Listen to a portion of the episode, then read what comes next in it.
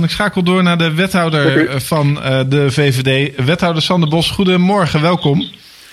Een hele goede morgen. Ja, dat is toch leuk om zo eens even elf mensen aan u vooraf te horen gaan uh, spreken over het uh, werk wat u in de afgelopen maanden als relatieve nieuwkomer binnen de Houtse samenleving hebt verricht. Wat vond u ervan tot nu toe? Nou, ik moet zeggen, ik vind het uh, ook in lijn met hoe de afgelopen drie avonden zijn verlopen. Gewoon een, uh, een dialoogvorm. Hè? Dus niet uh, de verschillen uitvergroten, maar kijken waar je elkaar kunt vinden. Dat vind ik ook houtens. Hè? Wat is houtens, wat is onhoutens, is ook veel voorbij gekomen vanochtend. En um, ja, in die zin past er wel een bepaalde harmoniemodel wat mij wel aanspreekt. Want um, ja, dit soort vraagstukken die vragen eigenlijk niet om polarisatie, maar om, om, om verbindingen te leggen. Je ziet ook uh, in de vele moties en amendementen dat die ook veel wisselende meerderheden kennen. Mm-hmm. Dat is denk ik een teken van uh, ja, de manier waarop men uh, politiek bedrijft. En ik denk dat ANM trots kan zijn op de raadsleden die vaak naast een baan, een drukke baan, het er allemaal bij krijgen. Ja. Dus daar wil ik toch ook al even de loftrompet voor bespelen.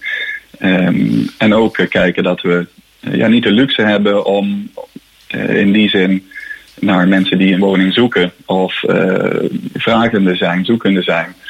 Uh, dus dat we daar ook snel oplossingen voor bieden. Ja, ik durf na dit prachtige verbindende betoog bijna niet meer mijn volgende vraag aan u te stellen. Maar gelukkig zit ik in een iets andere rol. Op het moment dat u uh, zo uitgebreid voorbereiding heeft gedaan voor ruimtelijke koers. Met bijna 400 zienswijzen. Een referendum wat inmiddels is aangevraagd omdat er veel onrust is. In ieder geval bij een deel van de bevolking. En er komen mm-hmm. zo ongelooflijk veel moties en amendementen voorbij. Is dan de voorbereiding voldoende geweest? Ja, nou ja, ik denk dat dat een logische vraag is, toch? En dus uh, die uh, wijzigingsvoorstellen... Ook, ook met een logisch antwoord? Ja, het is um, niet een ja of nee antwoord wat er gaat komen. Ik moet zeggen, ik ben... Ik hoor je een aantal keer zeggen, ik ben op zoek naar een wat beknopte beantwoording. Hè? Ja, Daar klopt. ga ik mijn best voor doen.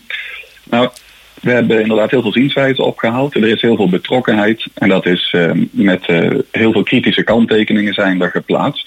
Dus ik vind het in die zin ook logisch dat de gemeenteraad, die de afgelopen dagen eigenlijk voor het eerst deze collegeperiode aan zet waren om er wat van te vinden, um, dat die veel wijzigingsvoorstellen hebben ingediend.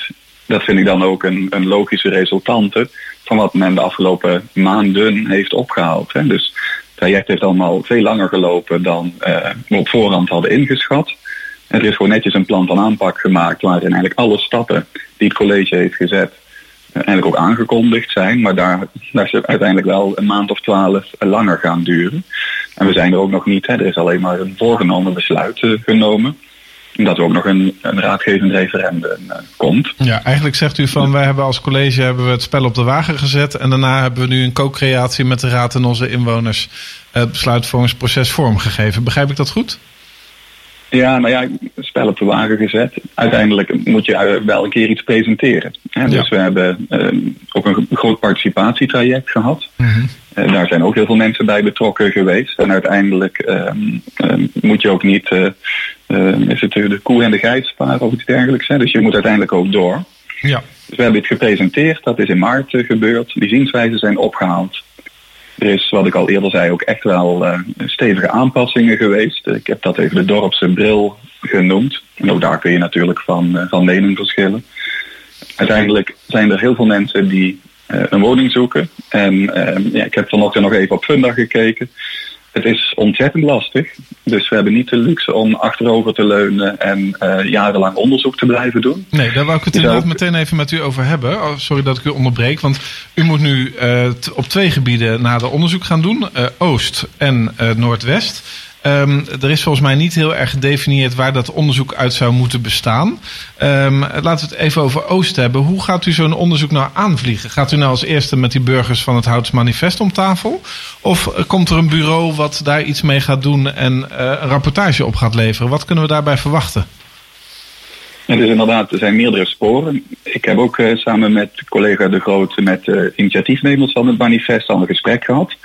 Daar hebben we ook een samenvatting van gemaakt en ook uh, uh, naar de raad gestuurd. Die is ook openbaar terug te vinden zoals dat uh, zo mooi gaat in onze democratie. Um, we gaan met het projectteam kijken van oké, wat betekenen deze wijzigingsvoorstellen en, en moties? Hè? U heeft ook geconcludeerd dat het er veel zijn. Ehm, en welke stappen we dan gaan zetten, die, ja, daar moet nog een besluit over genomen gaan worden.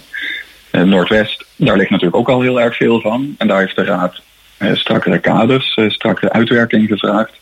En dat past ook, ja, dat klinkt een beetje flauw, bij het proces. Ik snap dat woord als adaptieve proces, flexibele proces, allemaal heel erg bureaucratisch klinkt.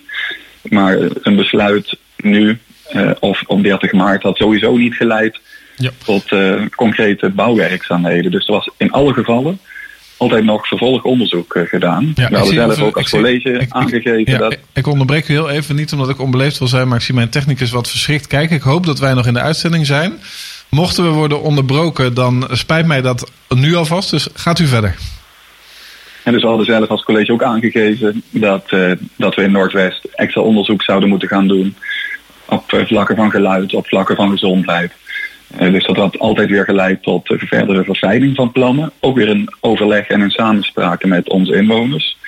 Maar ook van belang dat we de mensen die nu echt nou bijna wanhopig op zoek zijn naar een beetje een betaalbare leuke woning, dat we die ook een plek kunnen bieden. Hè. Dus ik denk dat dat ook houtens is. Dat we niet een exclusief houten krijgen. Nu al heel moeilijk is, maar dat we echt streven naar dat inclusieve hout. Waar ook gewoon starters uh, een plekje kunnen vinden en senioren een gelijkvloerse woning kunnen vinden. Ja, dus u zegt eigenlijk geen vertraging, maar verdieping. Om ja, even in ja, de dat sowieso bij dat proces. Ja. ja. Oké, okay, um, als het gaat om de referendumvraag uh, die moet worden gesteld. Wat, uh, u, u, gaat natuurlijk ook zeggen dat u het advies van de referendumcommissie heel belangrijk vindt. Maar uh, wat, wat zou wat u betreft het moeten zijn? En dan ronden we daarmee ook af.